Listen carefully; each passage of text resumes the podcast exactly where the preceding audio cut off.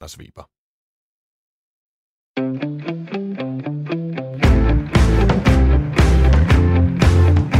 Du lytter til Sportsugen med mig, Claus Elgaard. Og vi har igen valgt en række historier ud, som vi vurderer skal have en tur mere i medierne, i hvert fald i vores eget medie, nemlig Radio 4.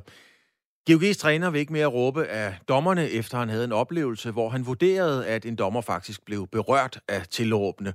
Badminton Danmark er mildt sagt ikke tilfreds med regeringens genåbningsplan for idrætten, og så har tennisverdenen fået en ny profil både på og ikke mindst uden for banen.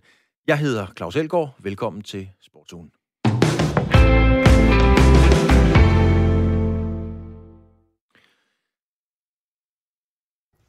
What the fuck is going on? Hvor fanden er koncentrationen?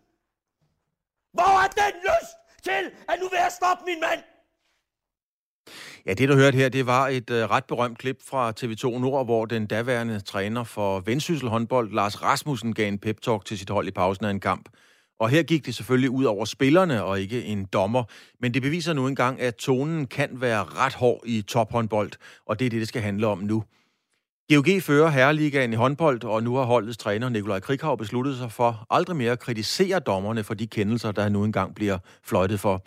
Krikhav tog beslutningen efter en kamp mod TTH Holstebro, hvor han efter kampen fik det dårligt med sig selv efter nogle udbrud mod kampens dommer Per Olesen.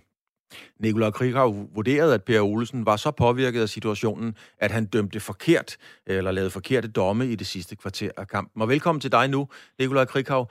Hvad er det helt præcis, der får dig til at tage sådan en beslutning? Det er jo udbrud i kampens hede, og hvis det er for meget for dommeren, jamen så kan han eller hun jo bare vise dig ud egentlig. Ja, men altså, øh, først lige selvfølgelig øh, vigtigt at sætte sådan en, en case i perspektiv. Øh, jeg, jeg oplever på ingen måde øh, Per som, som en, øh, der, der tager tingene nært øh, på den måde. Jeg oplevede bare, hvad skal man sige, at nu var vi nok kommet til det punkt, hvor at, at jeg var nødt til at finde ud af, hvordan jeg med mig selv sådan generelt kunne få stoppet, stoppet brokket. Og så er det rigtigt, så var det lige dåben, der, der fik mit bære til at flyde over og, og opleve, at at jeg måske lige synes, at øh, både Per, men også Martin jo, øh, som også er erfaren, øh, og, og med der måske virkede en lille smule ramt, og, og i den sammenhæng jo ja, egentlig bare fik en øget respekt for, at det trods alt er, er mennesker, der står derinde, og ikke bare dommer. Så, så det er jo en lang, lang, lang hvad skal man sige, problematik for mig, at det har fyldt for meget. Og så er det rigtigt, så er det lige været den kamp, der har sådan været grundlaget for hele mediecirkuset omkring det. Og, og der tænker jeg da faktisk, at, at Per er en af dem, som som bliver mindst påvirket, øh, sådan som udgangspunkt. Så, øh, så på den måde, så, så, så skal det ikke handle om det. Det skal mere handle om, at, øh, at jeg har ja, konstateret, at, øh, at det har fyldt for meget. Det har jeg gjort for længe siden. Men nu har jeg sådan lige fået, fået smagt på, at, øh, at det trods alt er mennesker, som, øh, som øh, ja, bliver talt til på en måde, som jeg som voksen menneske i hvert fald ikke ved mig om at blive talt til. Så det er egentlig derfor, at, at konklusionen er noget der, og ikke lige så meget på grund af, at, at Per, øh, synes jeg, øh, lige var, var lidt ramt den dag, men, øh, men grundlæggende øh, ja, oplever jeg egentlig Per som en af dem, der bliver mindst ramt. Men Krikau, du, du, du er jo i en macho-verden plus 100 kilo mm. ganske ofte. Øh, prøv, prøv lige at fortælle, hvad, hvad var det for nogle følelser, du sad tilbage med omkring dig selv i bilen på vejen hjem? Jamen altså, det har været et langt forløb, hvor at jeg jo for mange kampe er gået hjem og kan konstatere, at mit fokus på dommerne har været for stort. Øh, og, og i første omgang og i lang tid har det jo mere været sådan øh, egoistisk set, at jeg er træt af, at, at mit fokus er råd på dem i stedet for på mit hold. Øh, det tænker jeg umiddelbart er en, er en forkert ressourcefordeling. Men, men jeg har også altid øh, holdt det meget fagligt og blevet ved med at overbevise mig selv om, at så længe jeg nu har ret, når jeg går hjem og ser videoen, så er det fint nok. øh, og, det, og det holder jeg lige fast i. Jeg synes stadigvæk, at der, at der bliver øh, at der, sige, lavet for mange fejl.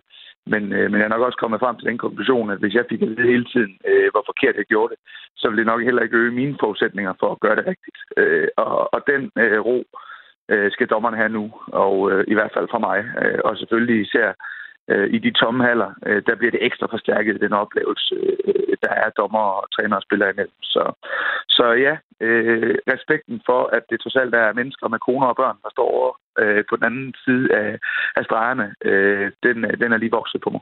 Virker det, Nikolaj Krikau, hårdere, som du selv siger, det er tomme haller, og når man ser det i fjernsynet, så kan man jo rigtig følge med i, hvad der egentlig bliver råbt. Virkede det hårdere på dig? Kom det som en overraskelse for dig, hvad det egentlig var, man, man råbte, når man hørte det på den måde? Nej, for jeg synes egentlig, det er ikke... Altså, det håber jeg, at, at dommerne sådan kan, kan genkende til. Jeg har, jeg har aldrig oplevet mig som værende øh, grov i mit sprogbrug. Altså, der har jeg egentlig altid været meget faglig, synes jeg. Men, men har måske bare gjort det i et, et sådan volume og en tone, som ikke øh, hører til voksne mennesker imellem. Øh, så, så det er ikke overrasket mig, men det der jo er, er casen med, med, med de tomme haller, det er, at dommerne plejer jo bare at kunne overhøre eller løbe over i den anden side af banen, hvis de ikke gider høre på mig. Og det er altså svært lige nu. Øh, og, og, og derfor tror jeg da også, at det er, er endnu dårligere arbejdsbetingelser for dommerne i virkeligheden, end de havde i forvejen. Øh, og, og den, øh, ja, det kan vi selvfølgelig ikke. Når jeg samtidig siger, at jeg synes, de laver for mange fejl, så skal jeg selvfølgelig være med til at bidrage til, at, at fejlene bliver færre. Og det, det gør de da helt sikkert ved, ved mere arbejdsro man kan sige, at håndbold er jo en kontaktsport, både fysisk, men, men jo bestemt også verbalt. Altså vil du holde helt op med at råbe, eller er det kun personlige ting, du ikke vil råbe? Jamen, jeg skal være den første til at sige, at jeg forventer jo ikke, at jeg bare bliver sådan en, en helgen øh, fra nu af. Og, og vi ved alle sammen godt, at, at, at vi gør det jo fordi, at der står vanvittigt meget på spil, øh, og at vi bruger hver eneste dag på at optimere det, vi går og laver og så føler man nogle gange, at tingene går lidt imod en på nogle parametre, man ikke kan styre. Og jeg kommer da selvfølgelig igen til at, øh, at sikkert falde i eller reagere, men jeg håber øh, og føler mig egentlig overbevist om, at, øh, at måden at falde i på, og måden og øh, kommunikere med dommerne på, fordi kommunikere tror jeg stadigvæk, vi er nødt til, men, men måden at kommunikere på, øh, håber jeg, at jeg kan øh, at jeg kan sætte flueben ved, at det for fremtiden for mig bliver i en, i en langt øh, bedre tone, end det der har været for mig indtil nu. Erik Vej Rasmussen er ude at sige, at øh, han undrer sig over, at man accepterer trænernes øh, udbrud generelt. Øhm, er det her også en opfordring til dine trænerkolleger om at lige tænke sig om, inden man råber? Jamen altså, hele, hele nul-tolerances-debatten har været der længe i, i håndboldverdenen, og man kan sige, øh, værktøjet til at få træneren til at holde mund har jo hele tiden været der. Altså, det er bare at smide os ud. Øh, og, og det har jeg egentlig også hele tiden sagt, at det var nemmere for mig, hvis jeg fik det gule kort efter et minut, så, så kunne jeg ikke rigtig tillade mig at bruge mig mere. Men vi har jo opbygget i Danmark en, en, en kultur nu, hvor at vi har tilladt for meget i for lang tid. Og det har selvfølgelig betydet, at, at hvad skal man sige, for ikke at, at dommerne har skulle skabe difference mellem de forskellige trænere, jamen så har man tilladt øh, måske for meget. Og det, det tror jeg da også, dommerne har haft en god snak om nu, at nu det er nødt til at hvad skal man sige, finde sit leje igen, og vi er nødt til at måske at straffe det over. Det er faktisk overbevist om, at de, at de har fokus på, øh, men, men at skulle sådan øh, gøre mig til, øh, til bestemmerøv over, hvad, hvad mine kolleger skal, det vil jeg ikke. Øh, men jeg er ikke i tvivl om, at vi alle sammen genkender til, at de skal have, have så gode arbejdsbetingelser som muligt, fordi vi alle sammen er interesserede i, at de skal lave så få fejl som muligt. Krikau, hvad råbte du egentlig?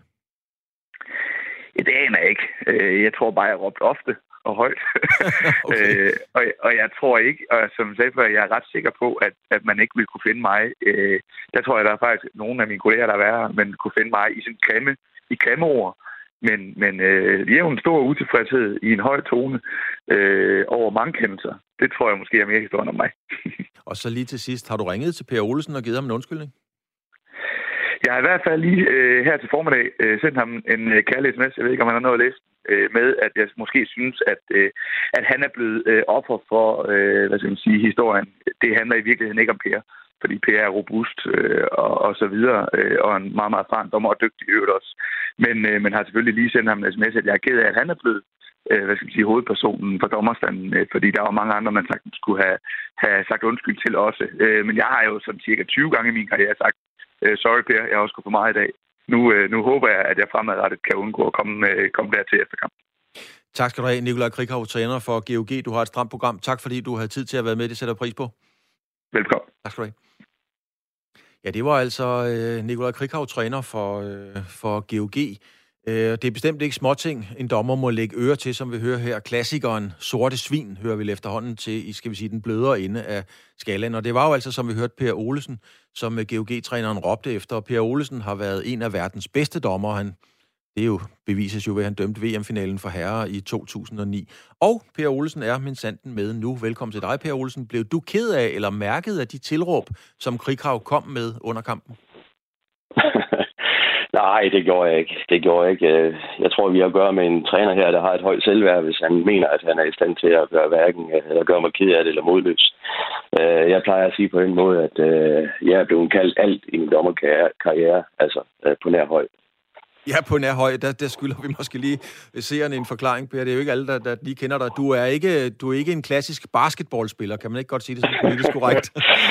Nej, det kan vist blive til 1,71, tror jeg, når jeg står på tæer. Så.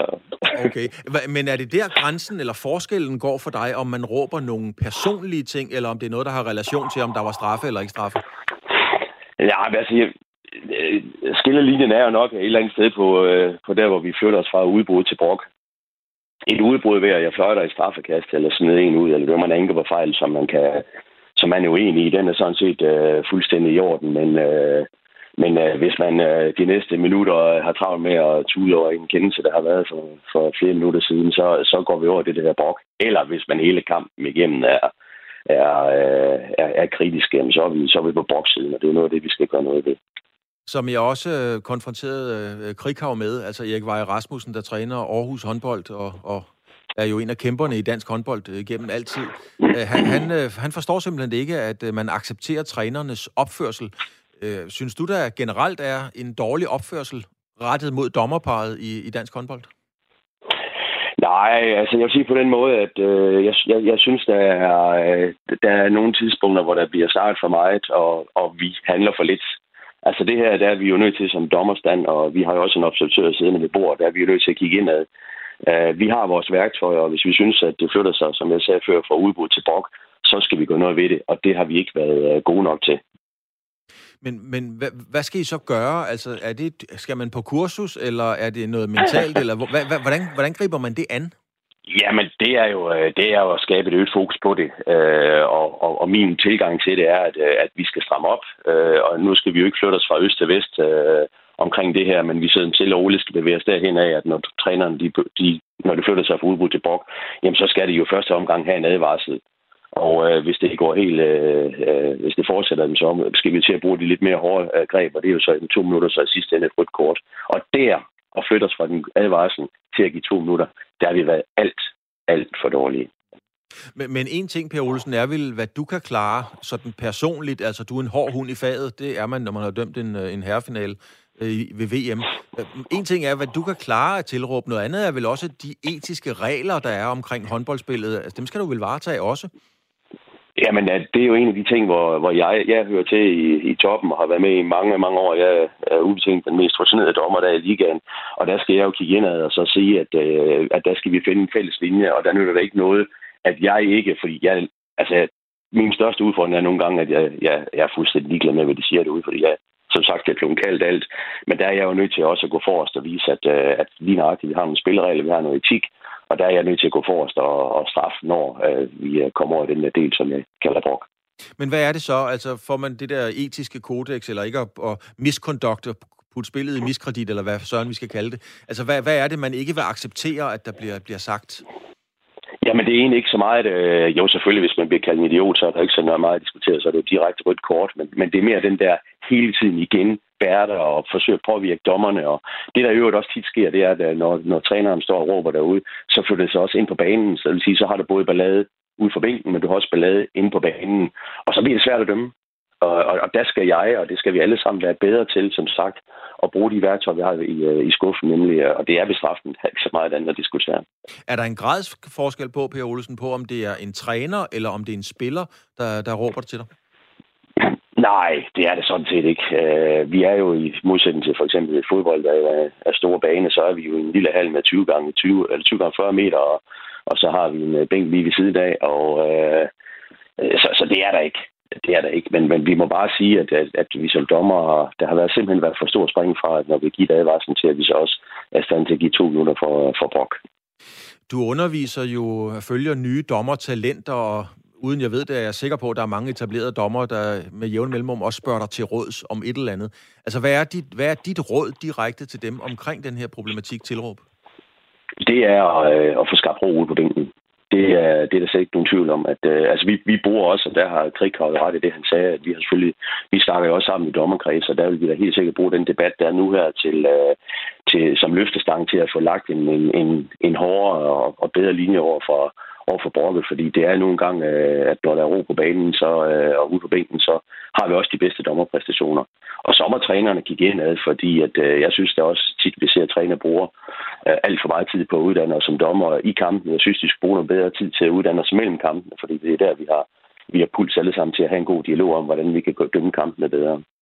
Jeg må indrømme, når jeg sidder og ser, og ser sport, det kan være håndbold, det kan være fodbold, så er der en helt ny verden, som har åbnet sig for mig, fordi jeg rent faktisk kan høre, hvad der bliver kommunikeret mellem og til øh, spillere og dommer osv. Kan du mærke en forskel på, efter at det er blevet så tydeligt at høre, hvad der bliver sagt? Altså har tonen ændret sig? Nej, det har den ikke. Øh, det, det er klart, at vi kan, vi kan høre noget mere, øh, når der ikke er tilskuere, der tager, øh, der tager noget, noget alarmen, og, men, men der bliver ikke sagt anderledes ting. Der, vi kan bare høre det noget mere. Og det er ikke vores ansvar, det er trænerens ansvar, at øh, de opfører sig ordentligt, fordi vi kan høre noget mere. Og så lige til sidst, nu hørte vi Krikhav fortælle, at han havde sendt dig en, øh, en kærlig hilsen og var ked af det. Øh, er I gode venner og giver skulderklap, når man må det ikke engang igen?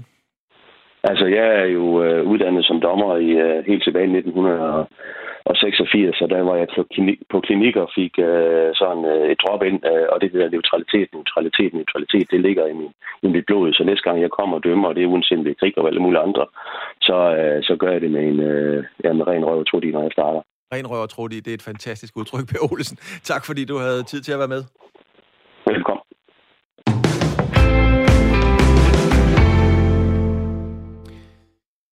I weekenden blev, kan vi sige, tennisstafetten givet videre. Den kun 23-årige Naomi Osaka vandt over 39-årige Serena Williams i finalen ved årets første Grand Slam Australian Open. Og det var måske Serena Williams sidste chance for at få den historiske 24. Grand Slam-titel, som hun har jagtet så længe. Men det skal faktisk ikke handle om legenden Serena. Det skal i stedet for handle om en af de måske kommende legender, nemlig Naomi Osaka. Sejren var allerede hendes fjerde Grand Slam, og der er næppe mange, der vil sige mig imod, hvis jeg kalder hende for verdens bedste kvindelige tennisspiller lige nu. Og måske en af de allerstørste atleter overhovedet, hvis man taler om at bruge den platform, hun nu engang har som verdensberømt atlet. Og det er lige præcis det, vi skal tale om nu. Og jeg skal have hjælp af Trine Nørgaard Pedersen, der kører podcasten De Glemte Atleter, og det er om kvindelige atleter, der ofte bliver overset i sportens verden. Trine Nørgaard Pedersen, øh, det er ubestridt, at Osaka er en fuldstændig fantastisk tennisspiller. Så lad os lige rise op. Øh, hvordan er det, hun egentlig har gjort sig bemærket uden for banen? Er hun ligesom markant der? Det er hun i hvert fald blevet i 2020, i det sidste års tid. Øhm, altså det startede jo egentlig i august måned i 2020, øh, da Black Lives Matter jo øh, havde været på dagsordenen og tapetet i nogle måneder. Øh, men der valgte øh, Milwaukee Bucks i NBA at aflyse en kamp, øh, og der øh, sad Naomi Osaka på sit øh, hotelværelse og var ved at spille en turnering i Cincinnati-turneringen, og så tænkte hun, tennis bliver også nødt til at tage et standpunkt, og så efterhånden så indså hun, at øh, hvis nogen skulle tage et standpunkt, så blev det nødt til at være hende.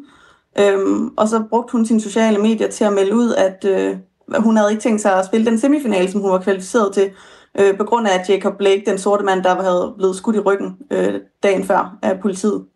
Så det var egentlig første gang, hun markerede sig i, øh, i 2020. Øh, og det øh, er ret stort. Altså tennis er en meget hvid sport, som ikke snakker særlig meget om race.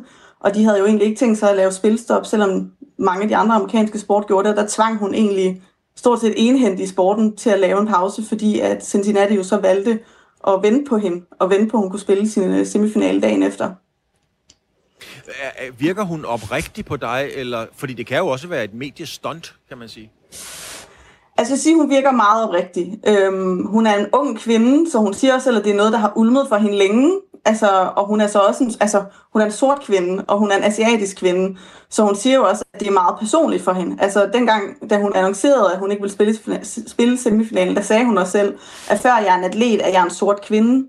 Altså sådan, så for hende er det personligt. Øhm, så jeg øh, ikke i tvivl om, at det er oprigtigt. Og så har hun købt et, øh, et, et, fodboldhold, altså North Carolina Courage. Hvad, hvad vil hun med det?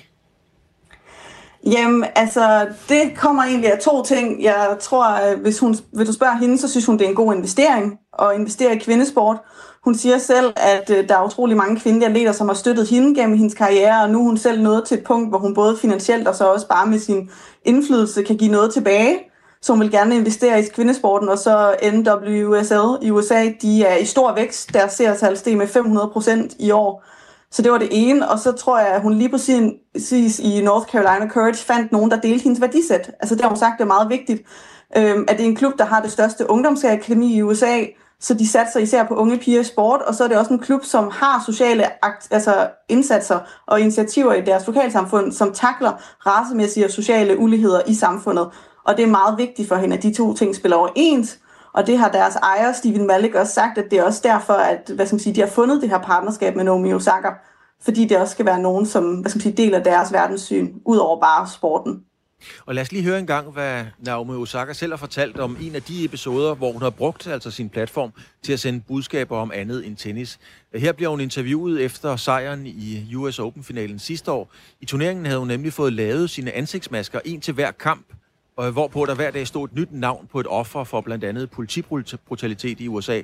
Og efter finalen blev Osaka øh, takket af forældrene til to offerne, og så svarede hun sådan her. What's it mean to you? Um, yeah, it means a lot. I feel like I don't know, they're so strong. I- I'm not sure what I would be able to do if I was in their position, but I've I don't know. I feel like I'm a vessel at this point in in order to spread awareness and um, hopefully it's not gonna dull the pain, but hopefully I can, you know, help with anything that they need. Og lydklippet her var fra ESPN. Øhm, hvordan, hvordan oplevede du den episode, altså de her ansigtsmasker, hvordan oplevede du det? Altså, jeg oplevede det utrolig rørende, og så oplevede jeg det også som rigtig gennemtænkt. Øhm, fordi at, det, hvad skal man sige, det virkede til, at hendes besked øh, omkring turneringen Cincinnati var meget impulsiv. Men her var det jo en, en strategi, hun havde valgt, og hun sagde jo også selv, altså sådan, at det var et pres, hun tog på sig selv. For det, hun sagde allerede efter første runde, der er syv masker, jeg har lavet allerede. Syv navne til syv kampe til at vinde titlen. Øh, og jeg håber, jeg kan få lov til at vise dem alle sammen. Så det er jo også et pres, for jeg tror, folk kunne meget nemt have kritiseret hende, hvis hun ikke havde vundet US Open. Altså så havde folk sagt, at hun havde lavet sig distrahere, eller hun skulle holde politik ud af tennis. Men det er jo også en magtdemonstration at tage det på sig, og så også vinde. Øh, det er jo sådan med Osaka, at hun har en, øh, en japansk mor og en far fra, øh, fra Haiti, og hun har også været ude og kommentere på øh, OL-chefen fra, fra Tokyo, øh, Øh, som jo var ude at sige, at han kunne ikke øh, leve med at have kvinder, for mange kvinder i bestyrelsen, fordi de snakkede for meget, og det blev han simpelthen træt af at høre på. Han er jo tidligere premierminister i, i Japan. Øh, det følte hun også trang til, og det er jo, skal man sige, rørte vande og træde ud i. Hun er, hun er ikke bange for at få nogen over næsen. Nej, det er hun ikke. Altså, jeg tænker, det er, der er virkelig sket noget med hendes udvikling på det øh, plan det sidste års tid. Altså, hun var ude og sige, at det var ignorant og uinformeret, og efter han blev tvunget til at forlade sin post, så var hun også ude og sige, at hun synes, det var en god ting, og det var en god ting, at udtalelsen om det ikke længere var acceptabel, og at det var vigtigt for den nye generation at sige fra. Så det er helt klart, at hun er jo altså, ansigtet på sommer i Tokyo, øh, og er kæmpe i Japan. Så det siger altså, når hun siger noget og laver en kommentar så ligger det også pres på. Øhm, og det er fedt, at hun øh, hvad skal man sige, også bruger den indflydelse, også i sit hjemland. Men hvor ligger hun så, kan man sige, popularitetsmæssigt i de kredse? Fordi man skal jo langt tilbage. Det, der var Arthur Ashe for eksempel, som, som gik ud og gjorde opmærksom på det at være homoseksuel. Øh, men, men hvordan er det med, med Naomi Osaka? Altså, er hun illeset i nogle kredse omkring tennisen? Det tror jeg ikke, hun som sådan er. Altså, jeg tænker faktisk, at det på mange måder har øget hendes popularitet, i hvert fald i USA.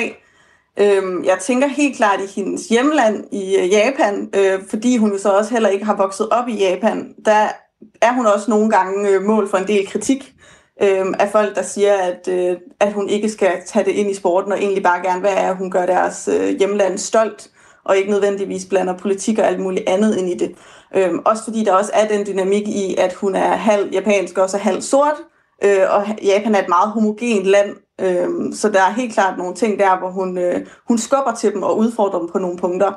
Øhm, I tennisen, der vil jeg også sige, at hun udfordrer altså også sine medspillere. Mange af de hvide kvinder der, de snakker aldrig om race.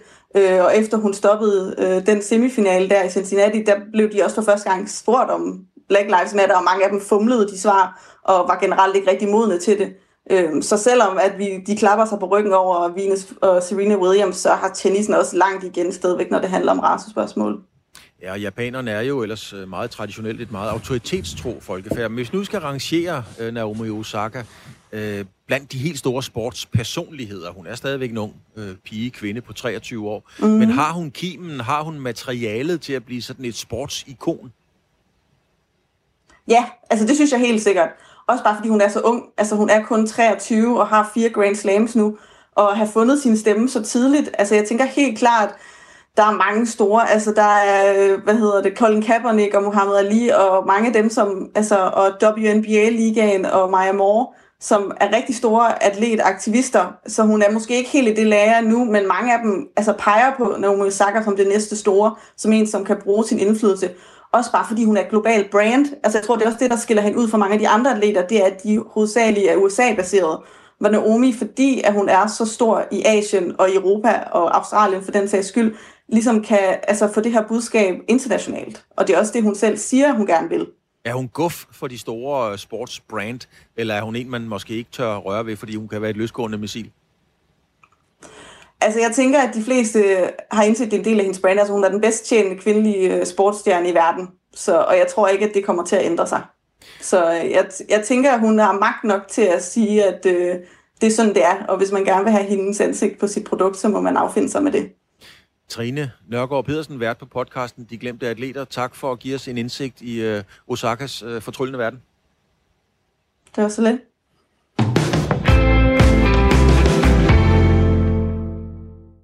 Darby. Five seconds on the shot clock. It's now or never. It's denied. Brilliant defensive work from Kalnietis, who flings it down the other end of the court. Lithuania are going to win. They're going to qualify and end the agony. Og det var et lydklip fra det internationale basketballforbunds YouTube-kanal fra de sidste sekunder af kampen mellem Danmark og Litauen i mandags. Mandag var det nemlig lige ved at næsten, at det danske herrebasketball-landshold kunne sætte trumf på en af de største danske sportsoverraskelser i nyere tid overhovedet. Danmark var nemlig ude i en regulær knald- eller faldkamp om en EM-billet til slutrunden mod Litauen, der er blandt verdens 10 bedste basketballnationer. Men den gik ikke. Danmark tabte nemlig en meget tæt kamp med 77-76 og skal på den måde ikke med til EM. Men at man overhovedet er nået så langt, og undervejs i kvalifikationen jo blandt andet slog Litauen, øh, det var der ikke ret mange, der havde regnet med på forhånd. Nu skal vi så høre, hvordan Danmark alligevel formåede at overraske, og om hvorfor det øh, måske alligevel ikke er det sidste, vi ser eller hører til de danske basketballherrer, fordi min kollega Niklas Stein snakkede i tirsdags i programmet Aftenradio med Dennis Bjerre. Dennis Bjerre er sportsjournalist på Aarhus Stiftstidende og følger dansk basketball særdeles tæt. Ja, det er jo egentlig en historie med, med flere lag, fordi sådan helt, øh, helt isoleret set fra, fra starten, der, der er Danmark jo en, en lille basketnation, som, som folk de ved, hvor, øh, hvor der ikke er specielt mange medlemmer, og der er en, en lille kerne, der, der spiller noget basketball. Og, og man kan sige, for øh, jeg tror, det er syv år siden, der, der havde vi faktisk ikke noget, noget herrelandshold. De spillede slet ikke nogen kampe. Øh, der var ikke rigtig råd til det i forbundet, og, og, og der var ikke rigtig nogen, der, kan man sige, der, der, der tog handsken op. Men man satte på ungdom. Og så var det så alligevel her for syv år siden, nogen ligesom synes, øh, nu, nu prøver vi at give det et skud igen, og, og de her ungdomshold, man har sat på dem, de, øh, de, de, de, kan man sige, de, de kunne nogle ting, og, og leder faktisk nogle flotte resultater, og så, så lagde man en plan, at, øh, at her i, altså i 2021 var det så, nu er det så rykket til 22 under corona, der vil man gerne til EM. Øhm, og, det, og det var, kan man sige, det var jo en, en meget, meget ambitiøs plan, som vi så var, var, var ekstremt tæt på at, at lykkes i, i går. Ikke? Øh, og der, der var så en masse uheld, kan man sige, som også forbundet med, at, at, øh, at det ikke lykkedes, som øh, vi måske kommer tilbage til. Ja, det er jo, det er jo blandt andet det. Øhm, og når jeg sådan når jeg kigger over, over hele øh, det her, nu kaldte jeg det jubelår 2020 sidste år, og så øh, kombineret med den her kamp, hvor at, øh, Danmark så igen gav Litauen øh, kamp til stregen, øhm, så, øh, så binder man det jo sammen til en meget flot fortælling, og et øh, basketlandshold, et herrebasketlandshold, der har overpræsteret eller i hvert fald gjort det meget bedre, end man kunne have forventet. Så jeg, så, altså jeg er efterladt med et spørgsmål. Var det her en enig svale, eller er det fordi Dan, dansk basketball er på vej mod noget endnu større? Ej, jeg, jeg ser det helt klart som om, at dansk basketball er på vej mod, mod noget større. Altså, øhm, også kan man sige anført af Bakken Bæres i, i den danske liga, som, som over de seneste øh, fem år har leveret nogle rigtig flotte resultater ude i Europa. Der, der har, har de rykket dansk basketball, og den, den danske liga har helt sikkert et, et meget højere niveau for, altså nu end det er for fem år siden.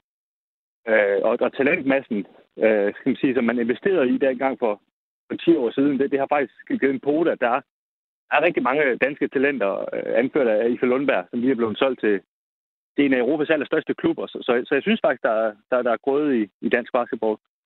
Ja, lige præcis. Øh, Ife Lundberg vil jeg selvfølgelig også gerne lige, øh, lige høre dig til, øh, når, når vi runder af lidt senere. Men først så vil jeg også lige... Du, du har skrevet... Øh, du, har, du har jo dækket landsholdets formåen, øh, blandt andet også på stiften.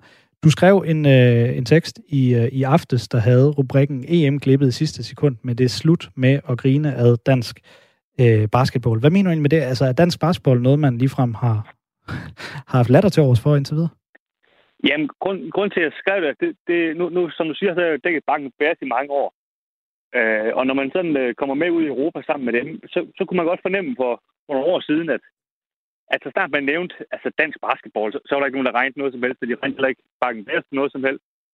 Øh, og jeg har også snakket med, med mange af de danske spillere, at, at de kan man sige, har svært ved at få kontrakter i udlandet, fordi at du, man, det er jo sådan meget, basketball det er jo sådan meget Excel-ark. Man sidder og kigger på, på nogle tal, og så kan de bare se, at der står Danmark. Han er ikke god så. Det, det ved de bare, ikke?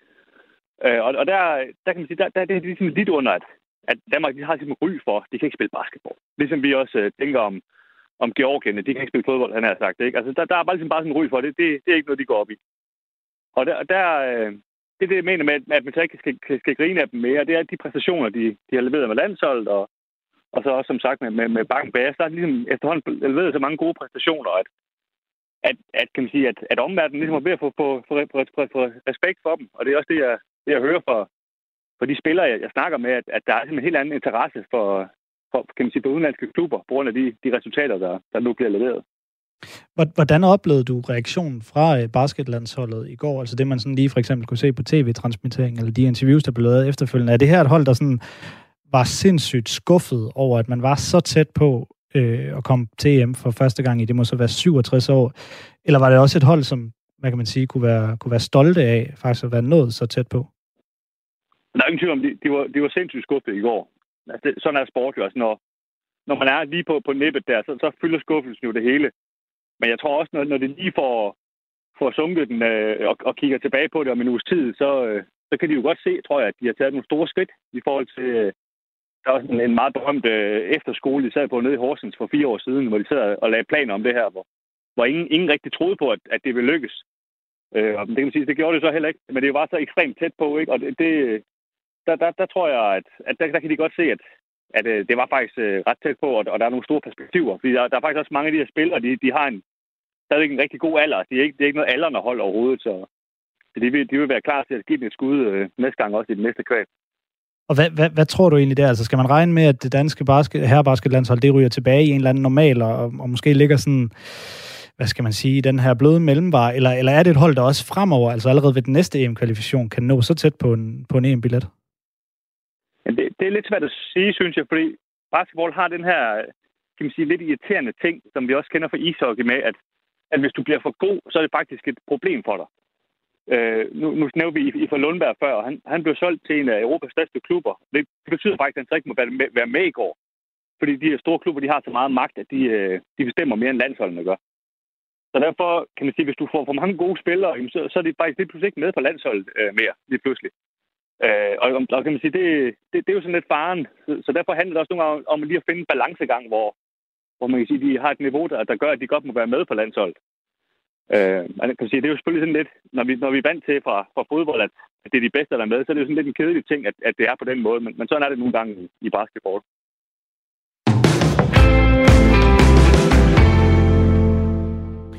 Dansk idræt kan så småt begynde at finde fodboldtøj og løbetøj frem, i hvert fald hvis det er til udendørsaktivitet og brug.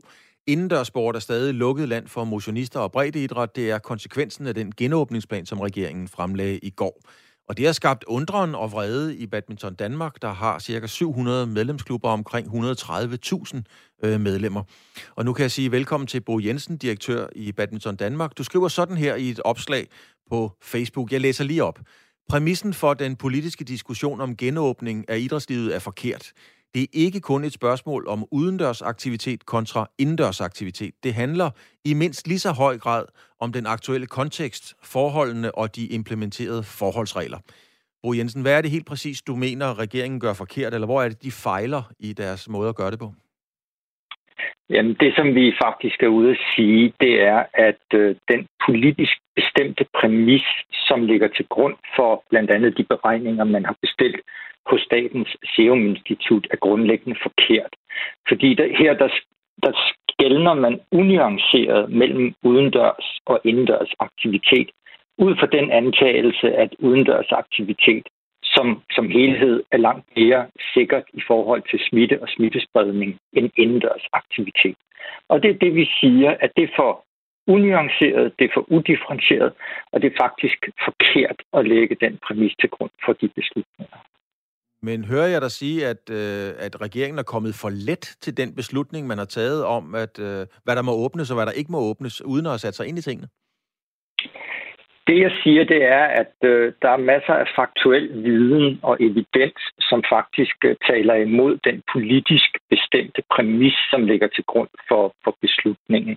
Øh, jeg sidder for eksempel med en tysk undersøgelse, som øh, har været inde og kigge på smitterisikoen ved en lang række forskellige indendørs aktiviteter. Herunder teater, museer, frisører, øh, shoppingcentre, fitnessstudier, sportsaktiviteter indendørs, øh, arbejdspladser og også skoler. Og her der er det faktisk øh, meget tydeligt at se, at øh, sportsaktivitet indendørs, gennemsnitligt set, hvis der er en 50% belægning, er op til 10 gange mindre øh, risikofyldt i forhold til smitte og smittespredning, sammenlignet med eksempelvis afgangsklasser med fuld belægning. Men Bo Jensen, er det ikke en meget flot, jeg kunne også have sagt, arrogant holdning at have, at sige, at jeg mener, i Badminton Danmark, I, I er rigtig, rigtig dygtige til at spille badminton, og helt sikkert også mange andre ting. Men, men, men staten har jo trods alt spurgt nogle eksperter, om, og formentlig Statens Serum Institut osv., og deres vurdering har været, at det er altså ikke nu, man skal åbne indendørs. Er det så ikke meget flot at komme ud med en melding, som du kommer med, kan man sige? Det ved jeg ikke, om det er, men jeg prøver at forholde mig til de faktuelle data og den evidens, som vi har i badmintonsporten igennem de sidste 10 måneder. Og det, som vi efterlyser, det er, fordi vi, anklager, altså vi angriber jo sådan set ikke eksperternes viden på det her område. Det vi bare siger, det er, at eksperterne kigger for unuanceret på det. De har ikke taget de faktiske data og evidens med ind i deres, deres beregninger. Vi har nu i 10 måneder gennemført daglig træning på, det, øh, på, på landsholdstræning her i Brøndby i nogle flere dage endda op til flere gange dagligt. Vi har endnu ikke haft et eneste konstateret tilfælde af smitte eller smittespredning på træningen. Vores ligaklubber har trænet på samme måde øh, jævnligt siden øh, april måned øh, 2020. Heller ikke her har vi konstateret et eneste tilfælde af smitte eller smittespredning. Vi har en, altså med andre ord en lang række dokumenterede øh, data, som, som viser, at der er meget lille smitterisiko ved at dyrke badminton, selvom det foregår indendørs, så længe vi selvfølgelig implementerer en lang række forholdsregler, som, som tager øh, øh, udgangspunkt i, at det skal være ansvarligt, sikkert og, og sundhedsmæssigt fuldt ud forsvarligt. Og det er den evidens, det er den evidens, og det, det, det er den viden, som vi mangler i kvalificeringen af beslutningsgrundlaget. Men man kan jo sige, Bo Jensen, at de øh, spillere, du refererer til her, det er jo topatleter, det er folk, der lever af det, det er nogle af verdens bedste. Øh, men I har 130.000 medlemmer, hvor mange er børn og unge mennesker, og nogen skal lige lære reglerne ja. at kende, og de har nogle helt andre pladsforhold. Så det kan man vel ikke rigtig bruge til noget, at de, at de professionelle øh, ikke har, øh, skal vi sige, været udsat for smitte for? Ej, jeg hører, hvad du siger, men, men det, som er jo er, er faktuelt i denne her sammenhæng, er jo, at gennem hele efteråret, hvor vi jo faktisk har trænet ude i alle vores mange klubber og foreninger, øh, og løbende har tilpasset os øh, de øh, skiftende restriktioner og begrænsninger, som er blevet meldt ud af myndighederne, der har vi jo igen også kunne dokumentere, at så længe der har været tale om kontrollerede forhold, øh, hvor at der eksempelvis har været træner eller ledere til stede, som har kunne organisere træning i mindre grupper, sikre, der bliver holdt afstand, sikre, der ikke har været fysisk kontakt, sikre, der bliver smittet, øh, øh hvad hedder det, smittet, øh, spritet behør i dag, osv., der har vi haft samme oplevelse af, at det har været fuldt ud sundhedsmæssigt forsvarligt.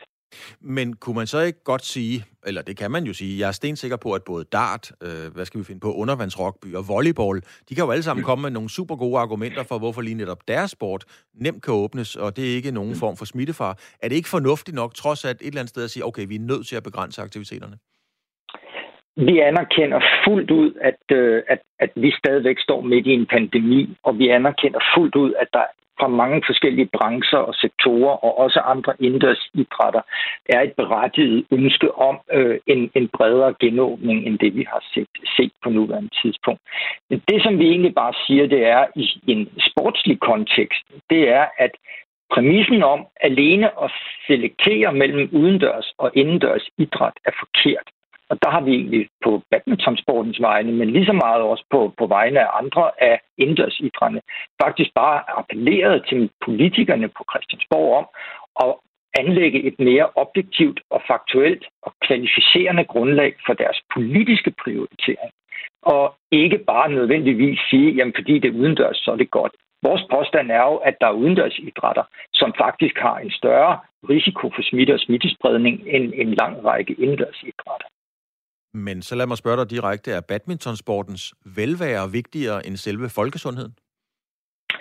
Jamen, der bliver jeg så nødt til at sige, at badmintonsporten og sport i det hele taget jo rent faktisk, og det er jo dokumenteret af adskillige både nationale og internationale undersøgelser, er en af de største og vigtigste faktorer i forhold til både børn, unge, men også ældres generelle sundhed. Vi ved jo faktuelt, at eksempelvis en lang række aldersrelaterede sygdomme som demens, sukkersyge, hjertekarsygdomme bliver markant forbedret, hvis ældre har adgang til at dyrke regelmæssig motion. Så det, at vi taler sportens sag, handler ikke kun om, at vi vil have øh, medlemmerne tilbage i klubberne. Det handler i høj grad også om trivsel og om sundhed, herunder folkesundhed. Bo Jensen, direktør i Badminton Danmark. Tak for dit og Badminton Danmarks synspunkt på øh, den åbning, eller den deleåbning, der kom fra regeringen i går. Tak fordi du havde mulighed for at være med. Velbekomme. Tak.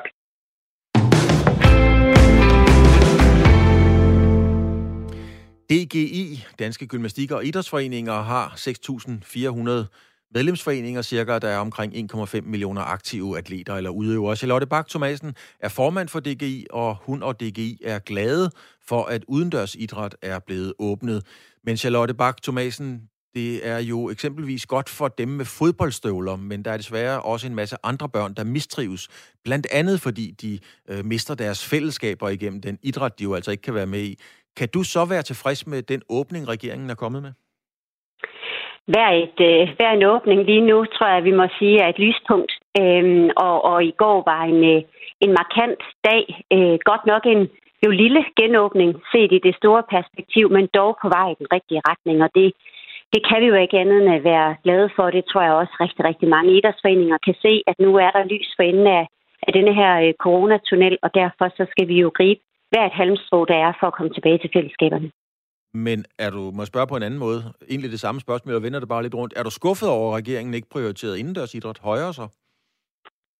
Nej, det vil jeg faktisk ikke sige, jeg er, fordi jeg synes, det var forventeligt, at det var den her øh, åbning, der ville komme først, altså på udendørsidrætten. Vi ved, at, øh, at det er det, eksperterne har set, set på gennem flere uger og måneder, og det er der beregningerne er lavet frem mod, øh, frem mod de politiske forhandlinger og, og den udmelding, vi fik i går.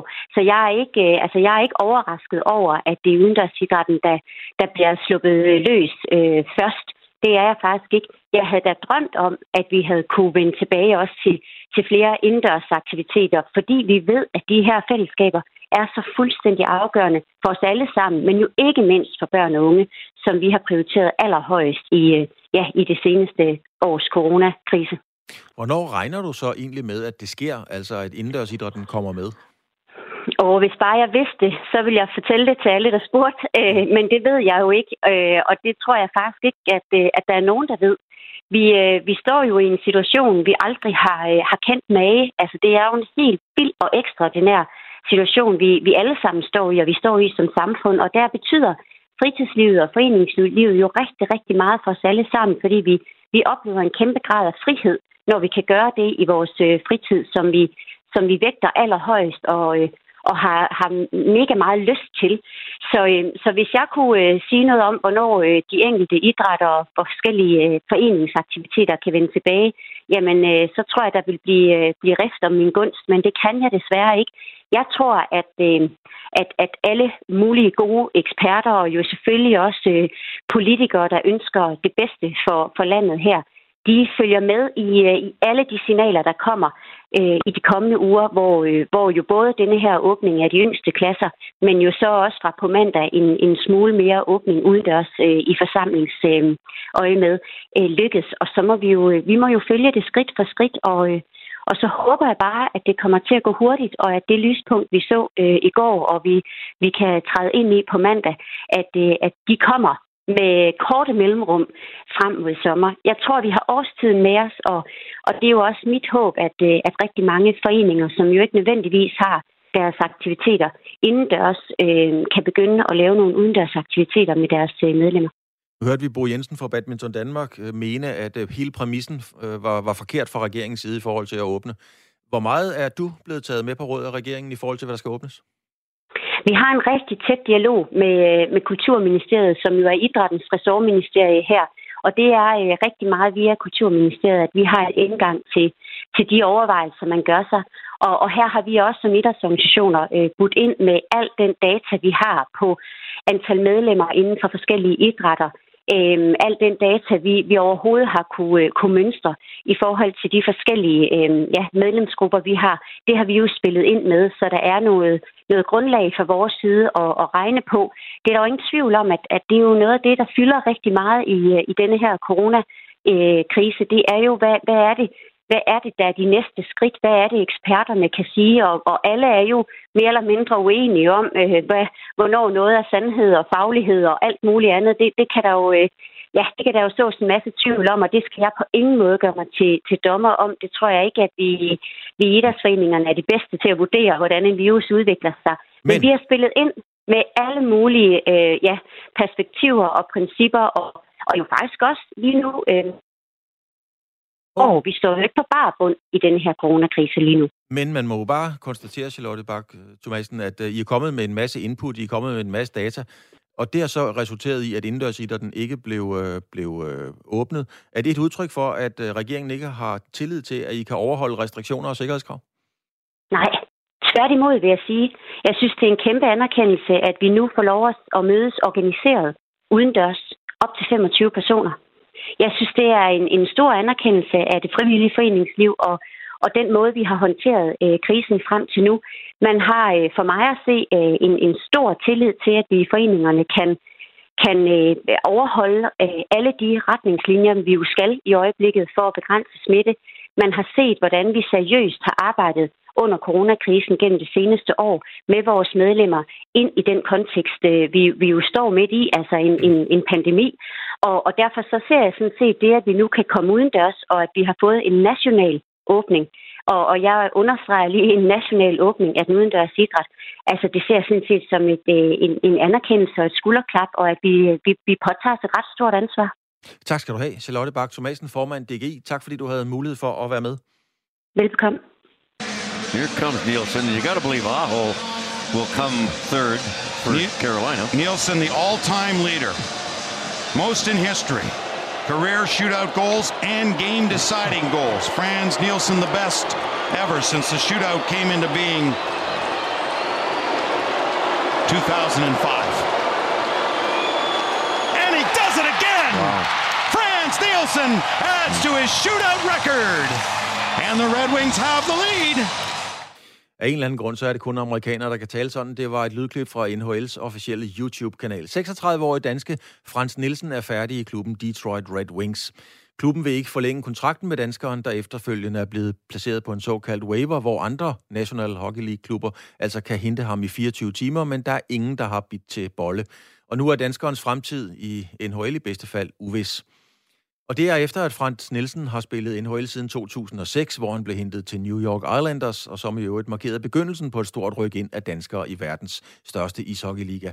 Nu skal vi kigge på det indtog, og det skal vi gøre sammen med dig, Michael Søvsø. Du er freelance journalist, redaktør på Metalligaen.dk, og så er du rigtig aktuel og har skrevet en bog. Bogen hedder Danskerne i NHL. En liga for sig, den udkommer på forlaget Lindhardt og Ringhof i den her måned. Er Frans Nielsen allerførst ganske kort færdig i NHL? Nej, det er han ikke. Jeg synes, at præmissen var, var lige voldsom nok. Øh, han, han kom på waiveren, øh, og der er nogle løntekniske ting, der gør, at Detroit kan mingelere lidt med, deres, med deres trup ved at sende Frans på, på, på waiveren. Der er ingen tvivl om, undskyld, når hans kontrakt udløber øh, næste år, så er han nok øh, færdig i Detroit. Men, men øh, i den her sæson øh, forventer jeg, at han fortsætter med at være omkring holdet. Måske ikke som øh, første og anden kædespiller, men, øh, men han, skal nok, øh, han skal nok være der. Du har jo skrevet om øh, den, det forjættede land, altså NHL, som jo sandt for dyden er top idræt på, på, på allerøverste hylde. Man kan vel godt kalde Frans Nielsen en, øh, en form for pioner. Altså banede han skifte vejen for det her store danske ryk ind, som der jo reelt har været? Frans var jo ja, den, første, den første mand, der fik debut, og så kom øh, Jannik Hansen lige efter, men, men Frans var jo isbryderen, som, som jeg også kalder ham i, i, i bogen, som, som lige har skrevet.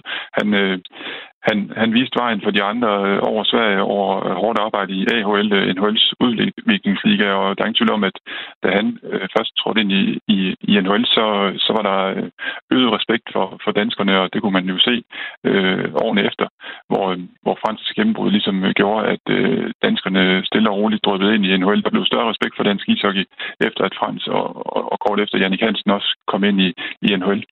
Men hvad, hvordan reagerede amerikanerne? Fordi altså, nu, nu hørte vi i tidligere indslag, at hvis man kommer fra Georgien og siger fodbold, så rynker man på næsen.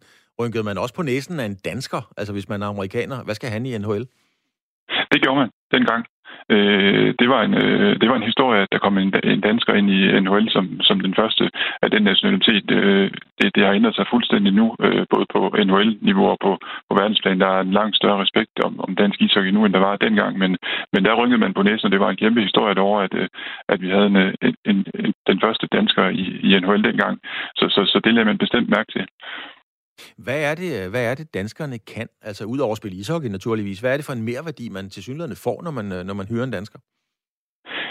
Svenskerne siger øh, øh meget imponeret de svenske ishockeyfolk, man tit øh, taler med, at danskerne har boldtalent, der er meget, meget stort, øh, så man får noget, noget kreativitet og noget, øh, og noget, noget boldøje, kan man sige, eller pukøje, hvis vi skulle bruge ishockey-terminologi. Øh, danskerne er, er, er dygtige og kreative spillere, så øh, hører jeg også øh, deroverfra og, og, og de folk, som jeg, jeg har talt med i forbindelse også med, med bogen, at, at danskerne de tilpasser sig, de arbejder hårdt, og de brokker sig ikke. Øh, det er sådan et fælles træk ved, ved de her danske spillere, der er landet i en de er meget ydmyge, selvom de har stort talent med sig, så, øh, så, så tilpasser de sig og, og arbejder hårdt. Hvis nu man skal være sådan øh, helt objektiv, og det, det er vi jo begge to som, som journalister, er man så i Danmark gået i selvsving, fordi der er en gruppe danske ishockeyspillere, der, der har fundet vej derover. Jeg mener, jeg tror Finland har omkring 140 spillere i NHL, øh, eller er det rent faktisk en stor bedrift, at vi, der er så mange på isen derovre?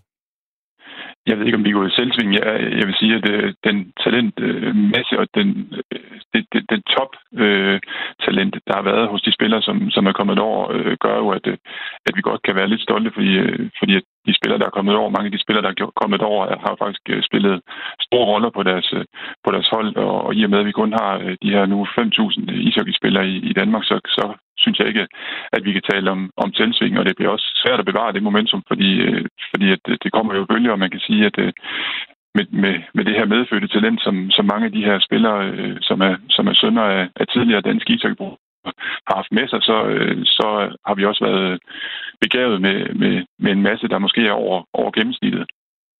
Hvis en fodboldspiller bliver solgt fra, fra Brøndby eller FC København og har scoret 10 mål, så er han dyrere end en fodboldspiller, der bliver solgt i Horsens eller Viborg, der har scoret 12 mål. Er danske ishockeyspillere, der kommer til NHL, jeg ved godt, de får en fin løn, når de er derovre, men, men er, de, er de billigere at købe ind? Nej, det, de, de bliver målt og vejet på samme måde som, øh, som alle andre spillere. Altså, øh, når du først er inde i, i NHL's øh, regi, så, så bliver man målt og vejet øh, fuldstændig som, som, som alle andre spillere, eller alle andre nationaliteter. Der er selvfølgelig nogle øh, superstjerner øh, af kanadier, amerikanere, russere, svensker, øh, der, der står øverst i hierarkiet, men, men ellers så bliver man altså målt øh, fuldstændig fra, fra scratch, uanset om man er dansker eller, eller finde. Nu har du arbejdet med din bog. Øhm, er, du, er du sådan i din research- og skrivefase, er du kommet på sådan, skal vi sige, nogle oversete historier? Ja, det synes jeg er faktisk en del også, som jeg måske selv har overset. Altså, øh, jeg har fundet ud af, da Jannik Hansen var i Stanley Cup-finalen i, i 2011 i Vancouver, hvor, hvor, hvor stort det egentlig var, og, og hvor meget det, det betyder for ham, at, han, at de tabte kamp 7 i finaleserien. Altså, han siger, at det vil jo være en aften, han vil huske for livet, fordi at øh, den kamp, den vil han simpelthen øh, øh, så gerne have vundet, og han tænker på det hver dag, øh, at han tabte den her syvende finale så tæt på triumfen, og, og så synes jeg jo også, at, øh, at, at der, der, der er en 3-4 danskere, der har været så tæt på at komme i finalen, så, så så det har været værd at nævne i de danske medier, og det synes jeg ikke rigtigt, man, man har hørt så meget til øh, her i, i Danmark. Hvor peger det hen af her til sidst, Michael Søsø? Hvor peger det hen af med, med et her dansker indtog? Har vi set toppen af guldalderen, eller er der stadigvæk mere hint? Der er stadigvæk mere at hente. Øh, nu har vi jo seks aktive danskere i NHL lige nu, og man kan sige, Frans, som vi talte om før, er måske øh, på, på vej ud efter næste sæson, øh, måske efter den her sæson, og så har vi Patrick Russell, som er marginalspiller i, i Edmonton, men så har vi jo Lars Eller, som har vundet Stanley Cup, og stadig er på et, øh, på et stærkt Washington-hold. Så har vi øh, Frederik Andersen, som er målmand for verdens største klub, øh, Toronto, og så har vi to suveræne målscorer, Nikolaj Ehlers og Oliver Bjørkstrand, som begge to hælder godt med point ind i den her sæson. Øh, så, så de fire i hvert fald, øh, og så Frans lidt på en retrætepost, øh, de, de skal nok øh, holde sig nogle år endnu. Hvad vi så får derefter, det, det, må, vi, det må vi nok tvivle på lige for øjeblikket, fordi jeg ser ikke lige næste generation komme ind i NHL. Så, så, vi når ikke mere, Michael Sosø, fordi klokken er ved at være 12. Øh, tak skal du have. Du er freelance journalist, redaktør på Metalligaen og forfatter til bog.